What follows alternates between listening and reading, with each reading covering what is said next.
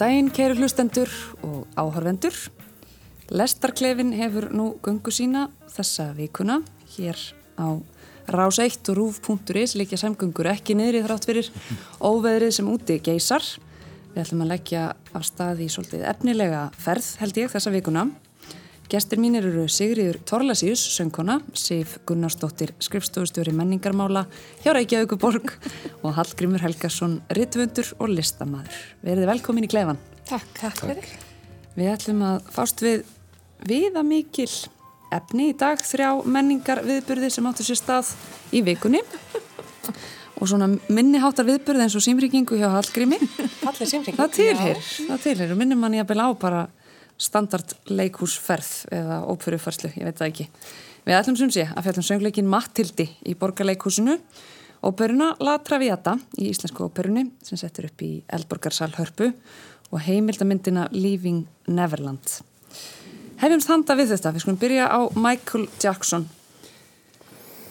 Kongi Popsins eins og hann hefur ótt verið nefndur og þessa heimildamind við nánast stinnjum öll svolítið þungt, öndu þungt þegar við reynilega minnumst á þessa fjögur að klukkustundu löngu mynd sem að vísur skipti í tvo hluta þar sem að tveir drengir lýsa kynferðsopeldi sem þeir voru beittir af hálfu Michael Jackson 7 og 10 ára voru þeir þegar brotin áttu sér staðin eru nortnir fullornir menn, þetta eru Wade Robson og James Safechuck. Og það er breytin Dan Reed sem framlegir þessa mynd og leikstýrir.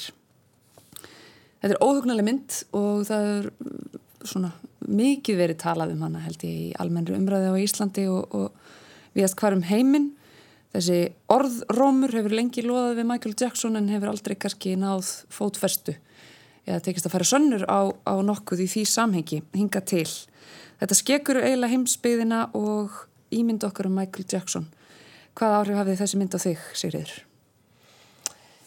Já, hún hefði bara tilætluð áhrif á mig, sko. Ég horfið á hana reyndar, ég horfið á hana, sko, ekki sérst báða hlutana sama kvöld. Þannig að ég fekk smá kvíld, ég horfið á fyrir hlutan og svo nokkur dögum setna, setni hlutan. Ég veit ekki alveg hvernig það er að horfa á þetta allt í einni beitt. Uh, og ég bara, þú veist, ég vissi alveg hvað það var að fara að segja mér í þessari mynd, ég hef búin að lesa allt um það og en samt einhvern veginn bara kemur þetta alveg reyngarlega illa um hann sko og þó maður veitir nákvæmlega hvað maður er að fara að heyra þá er það bara ógeðsla óþægilegt og þetta er grafíst og svona já, þeir segja bara ítarlega frá mm. þannig að hérna já, mér varst hún óþægileg þú veist, sem hún átti náttúrulega að vera mm. og á margan hátt mjög vel gerð og ég þurfti líka bara eitthvað svona að horfast aðeins í augu við hérna, þú veist, ég er náttúrulega svona Michael Jackson bat sko, ég er jafnkvæm alveg þessi strákar og hérna ég man alveg eftir að hafa eitthvað tíman kannski heyrt þennan orðrum emitt og bara já, æg hvað veit maður þú veist, og hérna kannski fólk bara sækist eftir peningum eða eitthvað, þú veist af því að ég var bara með stjórnur í augunum eða minni stjórnur sko mm ég var bara alltaf að geta þann hatt og hérna feldi stjórnuna mína af stallinum sínum. Man heyrast nú flestir bregðast á þann hatt þótt að það sé vissulega sumir sem að kjósa að taka þá einurðu afstöðu að halda áfram að hlusta á tónlistina og skilja hann alveg frá þá lífi mannsins og, og enga lífi. Sif, hvernig slóð þessi heimildamind þig? Hvernig fannst þið framsetningin? Umgjörðin? Já, Mér, ég, ég, ég ætlaði ekki að horfa á þessa heimildamind, var einhvern veginn búin að taka þá ákvörðin svona með sjálfur mér um, og búið að tala mann mikið í vinnunni og mér fannst einmitt að ég vissi alveg um hvað hún fjallaði og, og var alveg búin að einhvern veginn að samþykja það sem var verið að segja mér Þess, þetta væri ákaf, ákaflega trúverðu frásögn og, og auðvitað veist, þessi orðrómur hefur komið upp aftur og aftur eins og segir og Uh, já, en svo út af, út af uh, þessari stund okkar hér þá sérst horfið ég á þetta allt saman í gerðkvöldi, bara fjóra klukktíma og, uh, og kannski vegna þess og kannski vegna þess að ég hef búin að heyra svo mikið um myndina áður en ég horfið á hana að þá þá, þá reyndi ég að, að distansera mig svolítið meðan ég var að horfa á hana og, og meira einhvern veginn að taka eftir um forminu á henni. Og mér finnst að það hafi verið teknar margar ákvarðanir, uh, svona leikstjórnarlegar ákvarðanir á leiðinni uh, með, með uh, uppsetningu og framsetningu, hvernig, hvernig er tala við þessa tvo einstaklinga? Um, að sló mig svolítið hvað einhvern veginn í allan þennan tíma hvernig þeir setja eins, hvernig þeir tala eins, hvernig líka þeir vera að tala við sko mæður þeirra og sýstur eða sískinni að það eru allir einhvern veginn svona sömu tóntegund, það, það, það er hún svona, mér finnst hún stíliseruð uh, einhvern veginn, þessi, þessi mynd mm. og uh, ég trúi alveg sagt, á það sem er verið að segja en eh, mér finnst svona eftir á að hún hefði orðið sterkari ef að til dæmis það hefði verið einhver rödd úr einhverju annari átt að þetta hefði ekki verið svona mikil einstefna mm. um, alveg frá, frá upphafi til enda Einmitt. það kemur enginn og, og mótmælir því sem þarna kemur fram þetta Nei. er bara einlega frásök þessar að drengja Hallgrímur, þarna er þessi klassíska umræða kannski sem alltaf sprettur upp aftur aftur, aftur hvort hægt sé að skilja verklistamanns frá lífi hans og kannski miskjörðum eða syndum Hver er þín afstæða til þess álita máls? Já, maður er bara svolítið í sjokki. Ég var eh, eins og Sigga svona bara mikill aðdáandi og hann, hann, hann er jafnaldri minn sko, hann er einu áreldri. Þannig að ég svona hólst upp með honum og, og, og bara fjall snemma fyrir honum og, og hérna fannst það náttúrulegur. Þannig að fyrir mig að horfa á þessa mynd var svolítið svona eins og samtrúðan katholika að uppgöta uppáhaldskardinálinn var í barnanýðingur sko, þannig að maður er svolítið svona þetta er svona rétt erfitt sko. Mm -hmm. en uh, auðvitað áttum maður að vita þetta allan tíman hann var alltaf umgrundu börnum og var alltaf með, vildi vera Peter Pan og bjóð til þetta barnaland, Neverland svo barnaparadís og eftir að heikja þá var það hundi með auðvitað líklega bara að verki að lokka til sín börn sko þetta er allt alveg uh, skelvilegt sko og og uh, mér finnst þessi mynd frábær frábærlega vel gerð og ég varst um að hafa verið hægt að koma fyrir að gagstaðum sjóna með um að því að þarna voru þrýri eða fjóri tímar og það þurfti bara þennan tíma til að þessi strákar tjá sig sko. mm. og ég þekki það, ég sjálfur fórnalamb, kyn, kynferðis eða brótaþóli kynferðisofbildis og, og ég var náttúrulega mjög áhuga samur um þetta vegna þess sko. og mér fannst þeir gera þetta rosalega vel og það er eitthvað svona þessi tótt sem kemur í fólk þegar að þetta er svo erfitt að segja frá þessu. Mm. Og talandi um kynfærin á sér þú veist í svona mynd og, og kynfærin á Michael Jackson þetta er bara þetta er svo mikið pakki sko og þú bara dettur niður í eitthvað svona tón sem er svona rólegur og bara orð, þú bara mókar orðunum út úr og möl sko þetta er bara þetta er, og þeir gerðu það og ég bara dáði staðum sko hvernig þeir tökluðu þetta mm. og svo kom ég ljós náttúrulega fjölskyldunar þeirra er í rúst og það var engin happy endir á þessari mynd sko. og út um allt í samfélagi okkar og heimsvísu þetta þá þarf fólk að taka afstöð til þess út á stöðar, sjónastöðar menningar, miðlunar, apparit ímiskonar hvort að rétt sé að halda áfram að leika tónlist Michael Jackson hefur þú skoðan á því, Sýrir? Ættu vel að hætta því bara? Mér finnst það rosa erfitt að hafa skoðan á því sko, ég held að kannski bara hver veit verður svolítið að taka svona þá ákvörðun nema náttúrulega þegar það kemur á útvarstöðum eða eitthvað. En hérna um, maður er náttúrulega dáinn veist, þannig að það að refsónu með því einhvern veginn er, er öðruvísi í þessu tilfelli. Mm. að hérna það er að segja sverta mannar hans og einhvern veginn bara taka allt af hann um sko. En ég hef kannski ekki sérstakt svona, ég hef ekki geðið í mér til þess sko. En ég viðkynni það, ég bara eftir ég sá þessa mynd þá fór ég á algjörst hakk bara á internetinu og horfa okkur gömul viðtöl við hann og, og hérna þannig að ég, þú veist, fletti upp tölvert, hérna, googlaði þetta alltaf Michael, Michael Jackson hann á sundaginn og bara til að sjá einhvern veginn í retrospektífi líka bara eitthvað gömul viðtöl og gamlar heimildamindir og eitthvað eftir ég er búin að sjá þetta að bara, þú veist þetta, þá verður einhvern veginn margt sem maður hefur séð á þau bara svo rosalega klikkað ég mæli með það er hérna mynd sem heitir uh, Living with Michael Jackson sem er Já.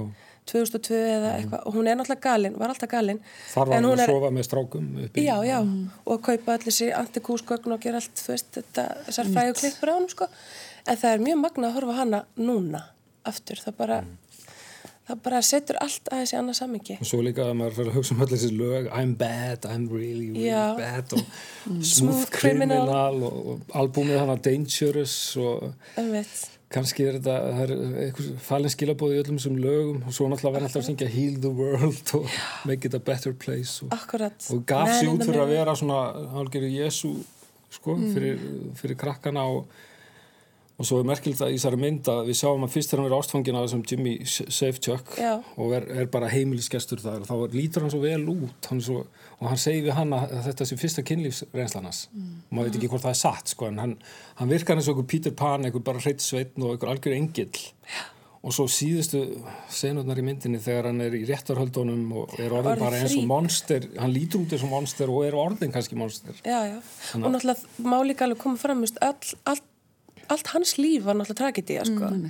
Þú veist, þannig að það er líka hann er alin upp á svona tónleikaferðum. Bræður hans voru að sofa hjá stelpum í sama já. herbyggju og hann og hann var 7, 8, 9 og 10 ára. Og ofbeldi og... Baldis fullur faðir. ég veit ekki hvort það afsakar þetta en hérna, það kannski skýr eitthvað. Ég veit ekki hvernig sálfræðingar með það. Já. En erum við ekki mynd svolítið að verða vitni að bara hreinlega sorgarferðli og missi? Að þessi maður sem við höfum öll tignað og dáð og hans verk, tónlistin, við, hún verður aldrei svo sama. Við munum aldrei geta séðan í sama ljósi. Hvað segir um það, Sif?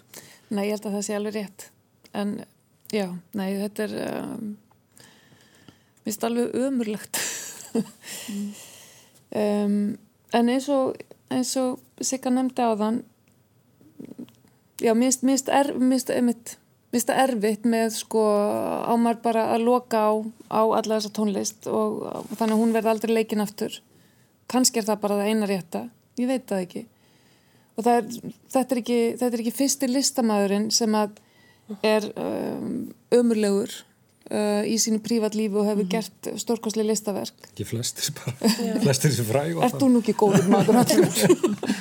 ég Getur þú klift út svona stóran þátt úr popsögunni? Þú veist, getur þú bara tekið bara eitthvað eitt strikk yfir held nefnilega ekki sko. alltaf Ég- höfundaverk? Ég, sko, listin er, er blansi sterk, sko, ef, ef listaverkin eru góð, þá, þá lifa þau a, bara í gegnum hvað sem er líkuð, sko. Mm. og það sem hann hefur smitað og það sem hann hefur einhvern veginn inspirerað Akkurat, áhrif hans Já. bara áfram. Það er bara, kannski við erum að óbræða núna og Já. svo, ég veit ekki hvernig staðan verður eftir tvö ár, sko, kannski allir farnar að dansa við don't stop till you get enough, sko, maður veit það ekki. Af því það er ekki bara að, að söngtekstarnir og titlarnir fái kannski tvírað og nýja merkingu í ljósi þessara frásagnar heldur getur það verkað triggerandi eða svona ræsandi fyrir þá sem hafa orðið fyrir kynfyrsofbeldi og munu alltaf tengja hann við slíkt Já. að heyra tónlistinans eða þeim finnst kannski þá vera einhvers konar skortur og nærgetni eða hluttekningu í því að kjósa að leika tónlist mannsins Ég held ekki að komi svo mi- mi- miklu fleiri fram. Þetta eru svo mörg börn sem hann hefur verið með, Já. samkvæmt þessari mynd. Já, og maður einhvern veginn eh, trúi því. Hann fekk sér nýjan kærast á hverju Já. ári. Líkuð, sko. Það var alltaf nýr. Og hann var alltaf með þeim hann á einhverju ára, milli 7 og 12 ára eða Já, eitthvað svo svona. verður þau bara of fullarnir og stórir og kom eitthvað nýr. Þannig að Daburt, þá ætlum ég að við séum þó búin að gera þessu, þessari löngu heimildamind ágætt skil. Við svona færa okkur yfir í næsta verk sem er nú aðeins gleðilegra. Það er Latra Viata, uppfærsla íslensku óperunar. Stort stökk og mikið. Við skulum reyna að setja okkur í aðeins aðra og hún deyr og Nákvæmlega, það skorti svo sem ekki konur. í það verk. Það er hár rétt hjá okkur. Þetta er þekkt verk eftir verdi, fjallar um hérna langveiku en sterku og hugdjörfu víolettu sem færi þá miklu fórna afneita ástinni sem hún hefur kynst í fyrsta sinn hjá hennum aðsóps mikla Alfredo. Þetta er nú óskaplega fallegt verk, þetta er svona hittara færi band kannski, maður þekkir eiginlega hverja einustu melodíu í þessar óperu og það gerir held ég svona allur almenningur nokkurt veginn og þetta hefur þrísusunum verið sett upp hér á Íslandi síðast árið 2008 og er núna gert eins og ég saði á þann í Eldborgar sal hörpu. Hvernig fannst þér Hallgrimur? Mér fannst þetta bara pottjætt sem, að- sem svona er bæði jákvætt og neikvætt sko. Þetta var vel gert og, og svona tókst í alla staði mjög vel með söngurandi góðir og ég er nú ekki en óperu expert en mér finnst þetta bara vel, vel hefnað eh, svo svona e, sko við sátum upp á öðrum svölum sem að mér fannst svona aðeins aðeins svo langt frá sko. Tilfinningi skilaði sér ekki alveg þetta var svona eins og vatnið væri komið alveg upp að maður væri svona að horfa onni í sundlaugin en er ekki sjálfur í henni. Það var svona stundum vildi maður fá meiri tilfinningu og, og, og hljómsveitina betur upp. En mér söngararnir Elmar og, og, og hvað er hún heitis Herdísan Her- Her- Jónasdóttir sem leikur Herdís Anna. Já, þú veist, þau standa sér mjög vel og, og, og hérna og það voru náttúrulega það voru einu íslendingarnir í þessar síningu það voru söngararnir mm. Svolítið svona skrítið uh, Og hljómsveitin. Og, Já, og hljómsveitin, stöku dansarar. kórinn náttúrulega, já fyrir ekki. Er mjög mikið af fólki. En við, allir aðstandendur leikstur í leikndahönnu, búningahönnu og videolistamæður og allt það er svona teimi frá Kanada. Og mér varst eitthvað lítið talað um það eitthvað skringilega lítið talað um þá uh, í kynningunni, ég veit, kannski misti ég af því bara. Þannig að og ég heyrði viðtal við Steininu Byrnu eitt um hann í haust uh, þar sem voru hjá Sillu hérna í Segðumir í ára áseitt og var að tala um að nú væru svona síningar það var hægt að kaupa þær utanfrá. Svona það voru farandsýningar og það var bara búin til einn leikmynd og svo fæ- færi hún á milli óperuhúsa og, og þetta væri miklu ódýrara þannig. Mm. og ég, ég mitt ætti í huga þessi síning væri þannig en ég reyndi að googla þetta en ég komst ekki að því og, og kannski er það rangt hjá mér. En, en svona þetta var það var mjög svona franskur stíl á þessu, mjög raffinerað. Leikmyndin reyndar flott í Eldborga því að maður glemdi því að þetta er ekki óperuhús mm. og leikmyndin tókst að skikja á það að þetta er ekki óperusvið Já, hún er sérstök, hún er svona art deco Já. yfir bræðingskunar og mikið nota ljós og, og myndum varpa þarna á. Mér finnst svona þetta var svona, það var smá íkja fílingur í þessu að sagt, þetta var velhefnað en það vantaði svona umfið í þetta Sigriður, söngkonan í hófnum. Hvað fannst þér? Já, sko, bara, mér fannst það stórkostlegt, sko, og ég, hérna, var rosalega hrifin, ég, og ég held að ég séð allar uppfæslur Íslandskóðubrunnar í hörpu.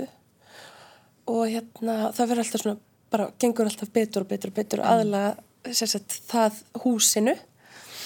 Um, mér fannst svona kannski, þú veist, bara litlu hlutur, ég var á, á frumsýningunni, Þannig að það var svona framan af, sko, músiklega, þá hérna hafði ég smá ágjur að því að hljómsveitin myndi kaffæra sagt, henni herdísi.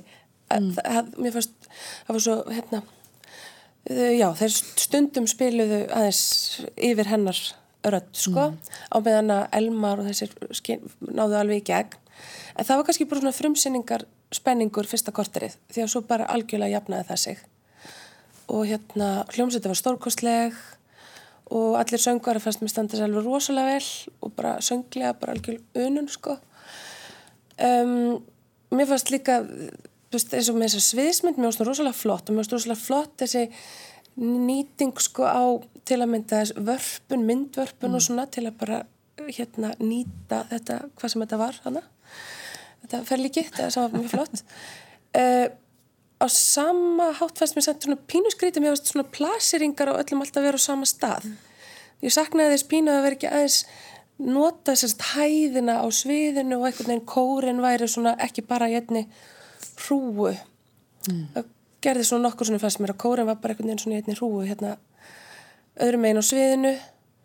Uh, já, mér hefði þótt svona gaman að þið verið hægt að veist, nýta þennan stiga meira eða svona hæðina sko. Það var svona, leikmyndin alltaf reyðist aldrei neitt þannig. Mei en þe- þeim tókst svona með lýsingu að gera smá fjölbreytni. já, mjög, og hún var mjög falleg sko. en já, það var svona eina sem ég svona, þú veist, hún virkaði rosalega vel fyrir einsöngvarana og þú veist, og hvernig þessi þessi ringur var nýttur á margan hátt einhvern veginn sem sundlög og söfnirbeggi og garður og hvað sem þetta var, rosalega flott. En svo var svona smá, fannst mér þetta með flæðið sko. Uh, að það hefði mátt nýta bara aðeins betur sviðið sko, fannst mér.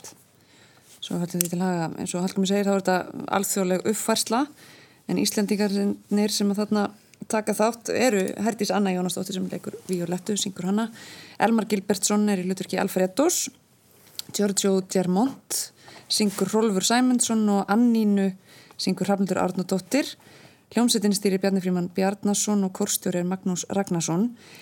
Um, það er svolítið svona ungt teimi sem stendur að baki þessari uppfærslu sem að maður kannski hefði vilja sjá, vil sjá og sér jafnvel í einhvers konar svona vibrant, skapandi uppfærslu. Fannst þér það, Sif, fannst þér þú skinja æskuna í teiminu það baki? Æskuna og umfið sem að Hallgrimur sá ekki. Um, ég, mér fannst að ferlega gaman mm. mér fannst, hérna nú er ég ekkert sérstakur óperuböf uh, hef alveg farið á, á óperu í Hjeldrendar, ég hefði séð latræfi en, en áttaði mig á því að ég hefði aldrei séð hann á sviði bara hérna einmitt, þekk, maður þekkir svo mörg uh, lög og og uh, svo er þetta náttúrulega óperan sem að Julia Roberts fer á í Pretty Woman og svona jú. þannig að hérna, maður einhvern veginn hefur ákveðna tengingar við þessa óperu mm. hérna og þaðan en uh, Þú hefur þá séð hana með henni Já, ég með henni nákvæmlega. En mér fannst uh, já, ég hafði bara, ég hafði verið mér, það, mér var svo æðislegt að þau voru bæði ofbúslega góð aðalsöngararnir, mér fannst það bara svo frábært. -huh. mér var svo frábært að sitja þarna í Eldborg og upplifa það að þarna væru tveir ungir íslenski söngvarar sem voru svona ríkalega góðir að mér fannst alveg að ég geti settið í Vínaróperunni eða í Metropolitan eða og verið að hlusta á þau að því mér fannst þau bara, mér fannst þau svo rosalega flott uh mhm. -huh. og, uh, og þannig og einhvern veginn þannig að alveg frá frá fyrsta frá fyrstu innkomu þá var ég svo glöð og einhvern veginn þessi gleði hjælt út alla síninguna þó svo ég satt líka upp á efri, öðrum svölum. Með þess að fyrir aftan Hallgrím ég fann að heyra svo illa. Já, ég sé ekkert þannig að ég sá í rauninni ekkert það sem var að gerast á sviðinu. Hvorki með án glerögna það er óperukíkin já, harpa á að selja óperukíkja eða leia eða eitthvað. Mm. af því að auðvitað vill maður einhvern veginn sjá betur. Mér finnst bestuðu voru tvö á sviðina því að vissi ég hver var að sína. Sást ekki textan þá? Ekki neitt sko. Nei, Sýsti mín kvíslaði stundum að mér hérna að því hún er rétt náða að lesa textan sko og sagði, nú er hann að segja henni að hérna, ég já ég veit að ég get alveg getið með þess til. Það voru að hætta saman. Sko. Já, pappas er full Nei, mér finnst það bara algjör, uh, mér finnst það veistla og mér finnst sviði flott, mér finnst hérna, þessi, þessi strúktur þarna, mér finnst það minna helst á svona bíkúpu eða eitthvað. Já. Svolítið í, hérna, í áferð og, og líka svo slör fyrir andlit og mér finnst það svona taka á sig einhverja myndir en, en ég sammála, það hefði verið gaman að sjá einhvern veginn hæðin að nota, að því ég hef ekki séð sviðsmynd í eldborgarsalunum sem einmitt bara sem rýs svona hátt mhm. -huh. og auðvitað hefur verið frábært ef einhvern veginn maður hefði notað hana betur fyrir þannig að maður geta dreift eins og segi kórnum einhvern veginn upp eftir, eftir þessari bíkúpu þarna -huh. eða hvað sem þetta nú var en mér finnst reikalega gaman reikalega gaman Já. Mér finnst ég greina kannski breyðara aldurspil meðal gesta á þessar uppfærslu heldur en maður sér kannski ofta áður hjá Íslensku óperunni og, og það er svo sem Guðmul sag og ný þetta með gildi óperunar og hvort hún sé tormelt og gamaldags eða í henni felist margir skemmtilegir möguleikar til að endur nýja sig og höfða til unga fólksins. Hvað segir þú um það, Hallgrimur? Ætlar að segja eitthvað um krakkar sem satt við hlýðina þér? Þau voru bara í símanum held ég. Já, það var, það var, var það unga hórundinni Já, það var fjölskylda Þau voru krútlega, þetta var góða sett og við veist frábært að fólk drífi krakkarna bara með í óperuna og já. ég hitti mitt fóröldra í hlíðinu sem voru að pína börni sín með og Já, já, það er rosa gaman. Sagði ykkur stefan að 14 ára. Má ég fá súkulæði En uh, já, mér finnst ég samála með söngarana, þetta er náttúrulega þau eru náttúrulega að syngja í Stuttgart og Sarbrücken held ég, já. sko Elmar og Herdís og og það bara, þeim, þeim, þeim tókst að fylla eldborgina gjörsanlega bara mikrofónlaust og svo standaði kvortón í öðru og, og hann syngur upp í eirað á hann ég, ég skil ekki hvernig fer þetta ekki ílla með heyrn ekki svona fallega söngur. Það er ekki, það er alltaf leið Nei, hann lendir bara mjúklega en það er líka, þú veist, mál taka fram en þetta er náttúrulega, þetta er ekki auðvelt hlutverk heldur, og eins og þetta hlutverk hennar Víolett, þetta er bara rosalegt rosalega krefjandi og, og, og bara, ég veit ekkit já, það er bara ekkit, allir sem getur náttúrulega eðlilega ekki allir sem getur sungið þetta, en hún bara bæði söngur þetta svo ótrúlega vel og svo náttúrulega leik hún líka svo vel, veist mér. og þau bæði, mér veist þau bæði, já, já. mér veist þau verið einhvern veginn, oft er þetta náttúrulega svo bara brjál, þetta er svo yfirdrefið sko, náttúrulega, þetta er mjög yfirdrifin saga, þú veist, og hún er mjög dramatísk og allt það, en mér varst þau einhvern veginn gera þetta frekar svona bara já, mér varst það sannfærandi, sko. Ég, ég kifti þetta. Og Ég fór samt að hugsa um hann óperukórin svona fólk sem að fer í óperukórin og alltaf bara verið vera bara vennileg kórfélagar. Svo þurfa, þurfa þau að fara að leika á einhver bíkinni um einhverja gleði konur í einhverju svallveislum í París Já, Ófyrir séð. Ég minna ákveðin öðru, ákveðin öðru. Já, já. En maður gæti ekki, þetta var smá svona ákvæmuna félags, leikfélags Ég hef samt séð sko, ég var um þetta að segja þegar um daginn, ég sé óperkorun í verri svona, það sem mér hefur þótt svona ægrein, þau ætluðu ekki að gera þetta, þú veist. Mér varst þetta svona mér svona búningarnir aðeins til að mynda mjög fallegir og svona eftir hverjum og einum sko, þú veist það var ekki, það var ekki verið að setja alla í sama búningin, ég menn þetta er fólk af ólíkum stærðum og gerðum og aldrei og eitthvað, þannig að mér varst það til að mynda fallegt Já. að hérna, ég upplýði ekki svona pínlegt sko, ó nei, veginn og ekki, ekki ég, hérna bara, ég bara hugsa það, sko. ég bara sá ekkert og ég veit þetta ekki En hvernig finnst ykkur stefnan óperuna ætti að vera? Ég er alltaf að hugsa um þetta því að mér er svolítið flott er að dansflokkurinn ákvað bara við ætlum ekkert að setja upp svanavatni eftir hérna, Tchaikovsky eða eitthvað og við ætlum bara ekkert að vera í klassiska ballettum. Við getum ekkert keft við, við slíka, slík dans, slíka dansflokka. Við ætlum bara að vera í uh, nútímadansi. Stundum Karlar Amanni óperan sé það lítil og, og svona Já. að hún ætti kannski bara að reyna að vera alltaf með frumsamið íslensk að gera eitthvað alveg nýtt og mynda sér sérstöð hvað segir þið um þetta? ég er svona alveg, kannski, mér, það væri gaman sko, að hérna, að gera kannski til skiptis mér finnst samt bara eins og þe að þessari uppfæsla dæma fannst mér samt óperan, íslika óperan vera bara á alþjóðlegum standard sko Já. og þetta var ekkert eitthvað svona eitthvað svona dægit útgáfa, þetta var bara ótrúlega flott og við hefum náttúrulega æðislega symfóniljósett, og, og hljómsveitina sem er náttúrulega margir koma úr þeirri hljómsveit, bara þú veist, þannig að Og þetta á náttúrulega að vera showcase fyrir íslenska söngvara að þeir geti Já. komið heim og sungið þessi hlutverk, frægur hlutverk Já, og bara fyrir sitt. okkur að fá að já, sjá þessi svona þessi stórvirki óperubókmyndana sko. en svo sem líka gaman inn á milli að hérna, það væri mjög skemmtilegt að fá meira nýtt og kannski minni uppfæslur og svona. Þetta er náttúrulega er ekki í repertuarið bara svona tíu óperur sem er alltaf að setja hann alltaf upp aftur og aftur? Það eru tólf. Það eru tólf. Jú, þetta er kannski þetta, er, þetta er svona þetta eru svona gamalgrúnir hittarar sem er Já. alltaf settir aftur og aftur upp. Já, sem er náttúrulega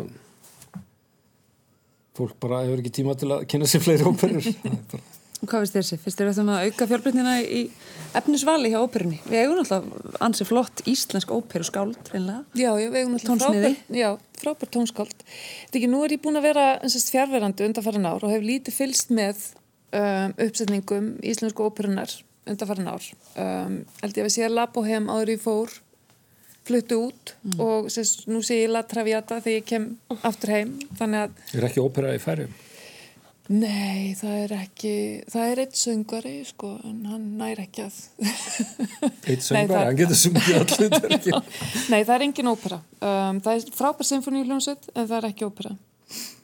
Um, og uh, ég skil alveg hérna þessa, þessa, sko, þessa vangaveltur og sérstaklega maður horfið til íslenska dansflokksins sem einhvern veginn bara sko braust fram sem alvöru dansflokkur þegar þeir ákveða að satsa á bara nútíma dans.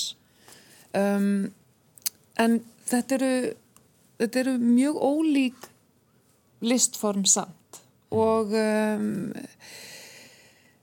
og ég veit ekki hvort það er hægt að heimfæra þetta svona uh, einfaldlega sagt, að, að, uh, að þetta verður gengið fyrir dansflokkin eða ekki að kýla á þetta líka með óperuna? Ég, ég hef ákveðnar efasemtir ég veit ég uh, kannski er það hérna kannski þráir maður einmitt þessa, þessa hittara svolítið uh, annað veifið. Bara að fá þá live uh, bara í okkar tónlistarhúsi einhvern veginn, það er svolítið það er svolítið geggjað. Já, það er æðislegt. En svo náttúrulega reynda líka núna eins og bara maður sá á íslensku tónlistavelununum það var svona, það var svo mikið af einhverjum tilnefndum, æðislegum einhverjum óperu dögum og óperu hátíðum og mm. þannig að það er kannski bara gróska líka annars þar, ekki bara hjá íslensku óperunu heldur svona einhver nýsköpun einhvers staðar í bara einhverju grassrót sko, sem er mjög skemmtilegt líka. Þannig að ef að það er hægt að halda uppi óperu, íslensku óperunni hinu öllu líka það er náttúrulega bara æðislegt sko, að Avantgardi verður bara í skafrið, bara í, já, já, En það, þarna liggur heilmikil saga til grundvallar. Þetta er svona mikill og dramatísku söguþráður sem kannski margir þekkja. Þetta er svona hugleðingar um örlögin og hvort við getum sigrast á þeim eða storkað þeim einhvern veginn. Um, svona saga um glataðar ástir og hugmyndir okkar kannski um einhverja romantík. Hallgrimur, finnst þér nást að koma þessari sögu til skila og fannst þér einmitt svona leiklistar færni söngvarana miðlenni vel? Mér fannst þér ekki alveg uh, nógu góði leikara sko til þess að miðlinni, ég, ég þurfti að stóla algjörlega á textan sko til þess að ná sögunni. Og það er svolítið óþægilegt að sko, maður er vanur því að textin sé bara beint svona í sjónlínu undir, undir andlitónum sko þegar maður er að horfa á bíómyndir í sjónvarpi og svona. En það þarf alltaf að líta upp og til hliðar og, og þá maður er að lesa og þá gleymist tónlistin á meðan og þetta er svolítið svona ströggl sko. Og þannig að maður sko nýtur ekki alveg tónlistarinnar. Og í, í þessari síningu þá fór ég að hugsa akkur var ekki gaman að prófa að þýða þetta bara á íslensku og syngja þetta á íslensku? Er það kannski bara algjört tabú, má það ekki hefur það, ég held að það hafi verið gert í einhverjum tilfellum er það vilsins Það ekki, það ekki. Nei, það ekki. mér finnst að það væri gaman að prófa það sko. Það, reyndar er svolítið oft mjög erfitt að skilja, skilja óperu sem einhverja. Þeir eru að syngja á íslensku. Þannig að textin kemst ekki alltaf til skila heldur þannig sko. En, að, en já, þetta var, þetta var svona maður Svo er þetta oft bara svolítið kjánalegu texti og það er ágætt að maður skilja hann ekki. já, Já. já, já, mitt Ma, maður les svona sögutráðin fyrir hlið, og svo les maður eftir hlið, í hliðinu Já, akkurat, reynir að svona muna þetta. Og þetta er svolítið svona maður er á svolítið svona endurmentunar námskeið eða svona þess að maður, maður þekkir ekki verkið nóg vel og maður er svona að reyna að kynna sér þetta as we go along sko. en, eh, en gaman og stórkustlitt form og, og eins og, eins og Mozart sagði að einhver þá, þá var þetta svo stórkustlitt form þegar þegar kannski fjórir söngvarar geta sungið í einu og, og hver er að segja uh, sikkvort hlutin sko. Allir eru með sín sjónamið og þau bara saminast í eina laglínu. Þetta er náttúrulega ótrúlegt ótrúlegt, ótrúlegt form sko. Mér langar rétt í lokin á, á þessar umfyllun að spyrja ykkur út í smáatriði sem vakti sérstaklega aðtekli mína sem var um, vera og þáttaka dansara í uppfærslunni. Þannig voru samtíma dansarar á sviðinu sem að svona kannski einhverjum fannst eh, stinga í stúfa við óperuformið eða ramman en, en þetta var síður svona kannski nútímalega uppfærsla að einhverju leiti. Hvernig, hvernig fannst þér dansararnir þegar það koma sér yfir? mér fannst það flott sko, af því að mér fannst það líka bara hérna þú veist, í staðin fyrir að láta kannski kórin eða eitthvað eitthvað dansatriði sem er ekki endilega þeirra. Þau báði ekki endilum um, þá er bara fá bara hérna bara flotta, þú veist, dansara inn á sviði, fannst mér alveg geggjað. Mér fannst það rosa flott viðbót, sko. En á saman tíma fannst mér reyndar í þeirri senu þá var, þá var þetta þessi hérna, þetta kraðag, sko. Það var kórin fyrir aftan og dansarnir fyrir framann það trublaði mig pínulítið. Ég hefði viljað eitthvað neina ræðis eitthvað neina öðruvísi.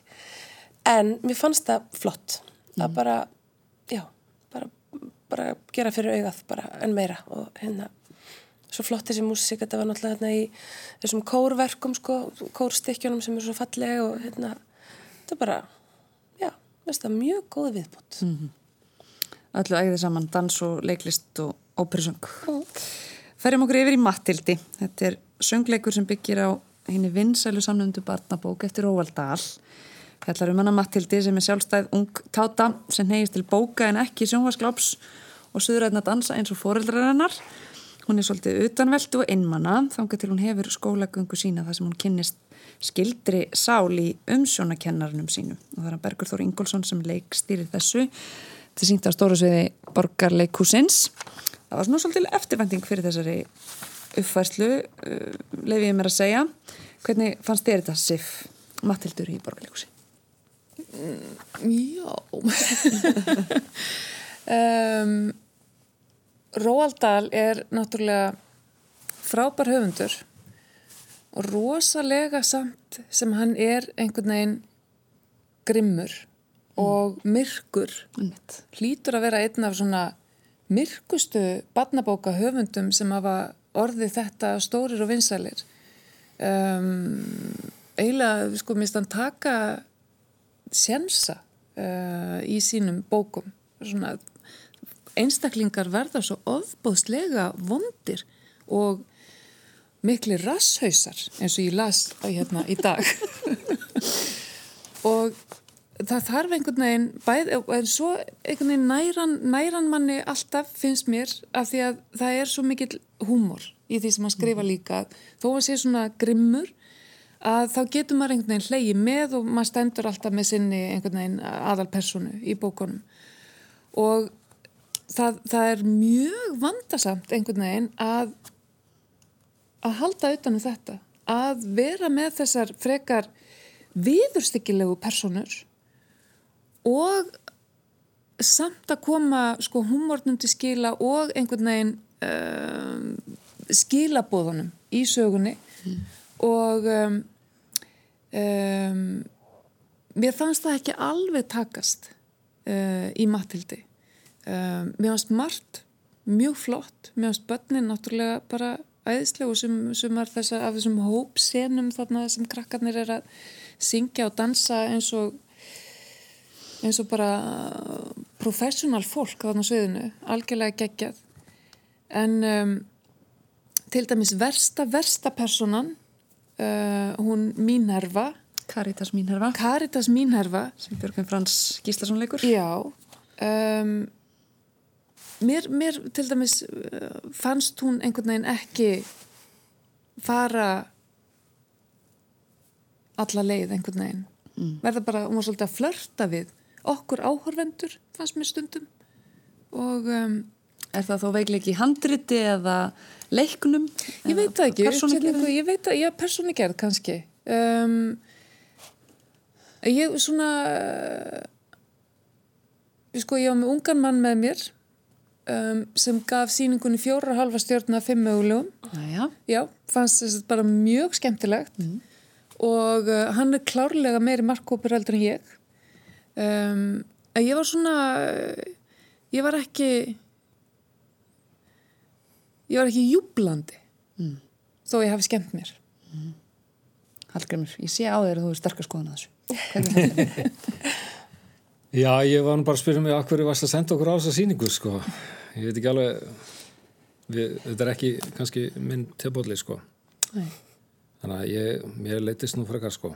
Já, já, er það þá söngleikjaformi eða barnasýninga? Nei, ég er rosalega mikið söngleikja kall sko, já. en þetta var einhvern veginn ekki alveg að virka Nei. Ég veldi fyrir mér hvort þér hefði átt að láta til dæmis Matildi vera að leikna af alvöru leikonu fullorðin leikonu mm.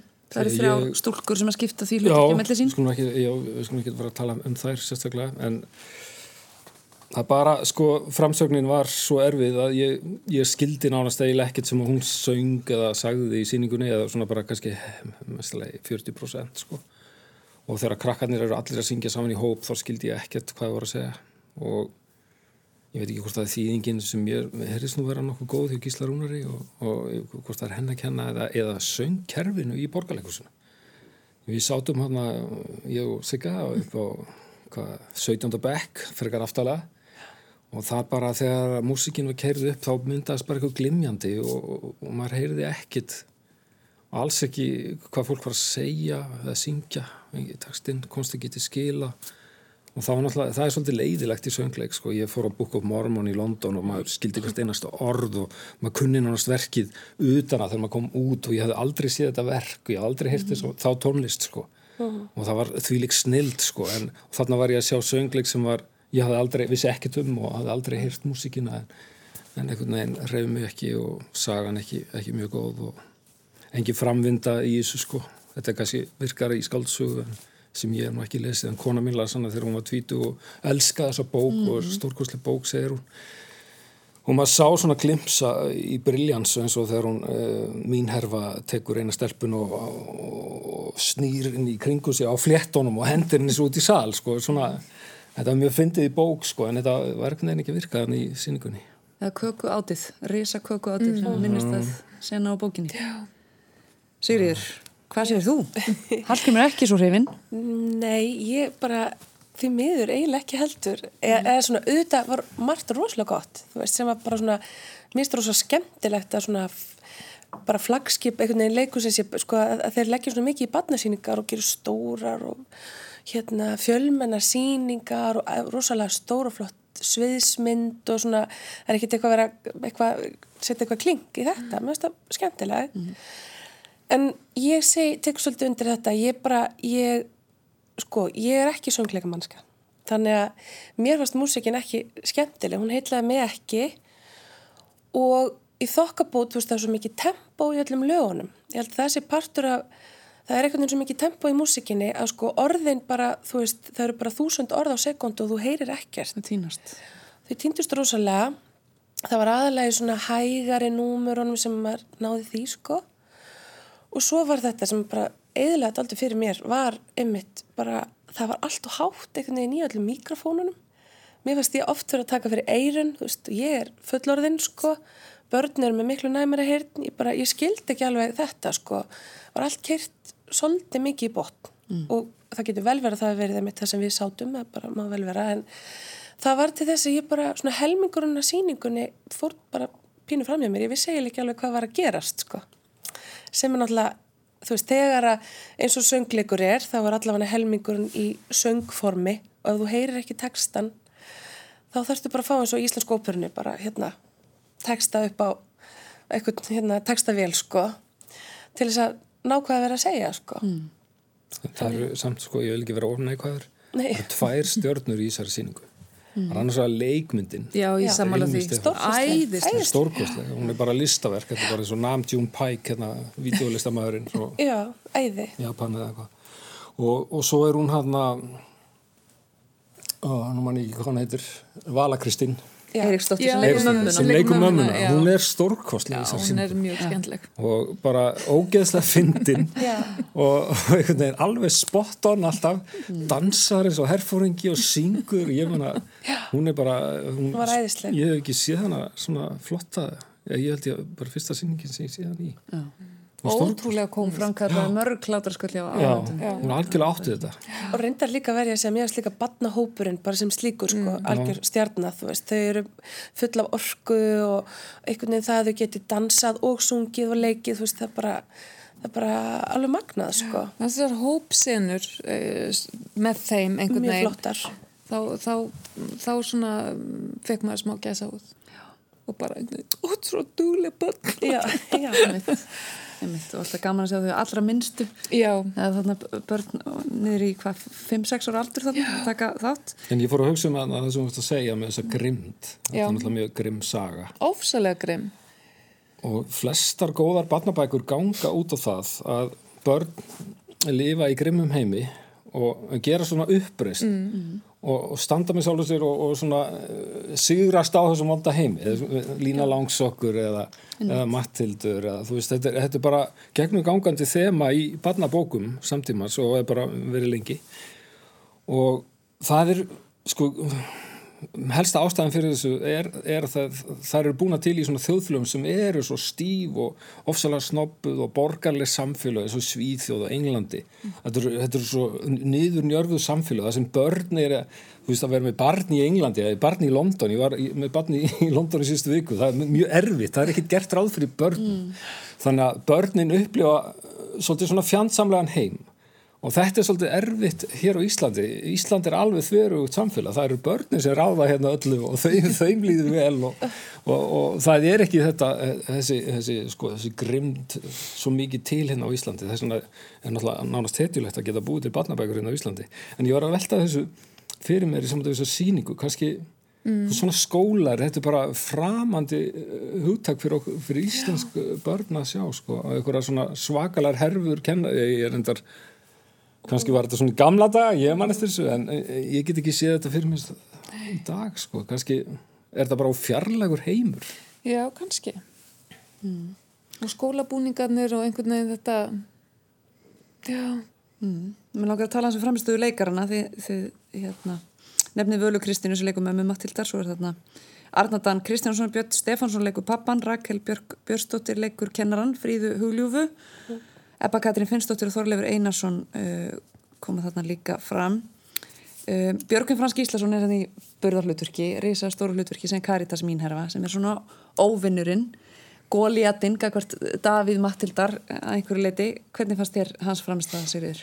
Sko mér finnst náttúrulega bara gerfið hennar vera mjög mikið stórkoslegt mm. uh, og ég hef mjög gaman að því sko, þú veist að hann er náttúrulega svo frábær komikar sko, þú veist að sitjandi á aftastabæk og sér maður samt svo bara, maður sér alls viðbrið og hvað hann er góður að líka bara einhvern veginn með andlitinu og allt sko mm. uh, og mér finnst hann frábær, hann er frábær söngvari en kannski var, þú veist, hann var ekkit hann, ég heyriði svona einhverja talma, um hann væri, hefði kannski ekki verið eða það hefði verið einhver ákverðan að hann væri ekki sko, eins hræðilegur og einhvern veginn allt gæði til kynna sko, mm. lúkið á hann og svona. Nó er nú samt. Nó er samt sko. Uh, mér fannst hann bara mjög skemmtilegur, standað sér mjög vel sko. Já. En hérna, mér fannst kannski líka, nú bara afsakið, nú mann ég ekki, svo sem ég leik hérna ljúfu kjænslukonu. Rækil Björk, já. Já. Mm. Mér varst hún til að mynda Fríðu Huljúfu mm. hún var til að mynda áberandi sko best, þú veist, hún var rosalega hún var ábúslega fín söngkona mm. og fekk svona falleg söngnúmer og hún gerði rosa vel, fannst mér mm. Eins hérna bókasapsfræðingurinn Ebba, Katrín mjög skemmtilegt, var stila bara allir standa sem mjög vel, sko, það var ekkert svona já, leikarinn stóðu sér vel. Já, en eitthvað náðu ekki í gegn. Já, bara svona heldarpakkin einhvern veginn fannst mér kannski, já, mér fannst þetta líka svolítið langt. Mm. þetta eru þrýr tímar ég er fullorðin, þú veist, ég get ekki alveg sé hvernig það heldur fyrir lítil börn, sko. Mm. Þannig að það var svona, já en það var margt rosalega gott. Ég vil ekki vera heldur of neikvæð en svona heldarupplifunin var svolítið þung. En Við sjáum söngleiki svolítið svona sækið sér veðrið á Íslandi. Og mann er fyrst kannski, ég veit ekki hvort að bara mín skinnjun gæðast í að hækka með hverju uppfærslu þetta er orðið ansið svona viða mikið í það minsta og langur aðræðandi hellir miklar pröfur haldnar fyrir batna hlutverkinn og, og dans hann er uh, líprátir dansauðundur þessari síningar sem hefur líka uh, alluta máli í allum stærstu söngleika uppfærslum síðustu ára. Almenningu vill sjá þessar síningar það er, það er eftirspurn eftir þeim sif. Alveg klárlega. ég, ég held að þetta er einhvern veginn, þetta eru síningar sem öll fjölskyldan getur ferða á saman. Um, þetta er hérna já, hérna gleði og, og þegar, þegar vel tekst til það að maður sönglandi þessu lög þegar maður gengur út og og uh, oft á tíðum er þetta, er þetta sögur líka sem hafa svona breyða skýrskotun og eru svolítið fílgút það hérna, það er kannski um, Matildur er ekki fílgút þannig þó að hún endi vel þannig lagað sko á, á einhvers konar forsendum að fóröldrarnir eru bara stungnir af og skilja hana eftir hjá, hjá besta mögulega umsjónumanni en uh, og mér eiginlega æðislegt að, að, að við séum komin með þetta þessa söngleikja á svona, í svona home standard hér á Íslandi, maður einhvern veginn fór þú veist, og þetta var svona partur af því að fara til London og fara á West End og mm. sjá einhvern söngleik þar og koma heim og uppfyllur og hugsa sér og vá og en núna er þetta einhvern veginn bara gerast hér í íslenskun leikúsum sem ég finnst eiginlega magnað og aftur eins og vorum að tala um óperuna áðan að það komið svo ofbóðslega mikið af góðu góðum listamönnum tónlistafólki, söngurum hér að það er einhvern veginn að þið ótrúlega bara verður til á, á íslensku sviði. Mm. Nákvæmlega. Fínustu loka orð þessi lest hefur barist í gegnum hríð og storm. Ég er út að vera komin á áfangarstað e, þrýr menningar viðburðir að baki. Þakka ykkur kærlega fyrir þetta skemmtilega spjall. Sigriður Tólasíu söng Kona Sif Gunnarsdóttir skrifstofstjóri menningamála hjá Reykjavík og Borg og Hallgjörn Helgarsson listamæður og reytöfundur. Í næstu viku verður hann Bergstedt Sigursson við stjórntvölin á þessum þætti og hann mun meðal annars fjalla um Hönuna Mars og ímislegt fleira gúmilaði. Takk fyrir að hlusta og horfa. Góða helgi.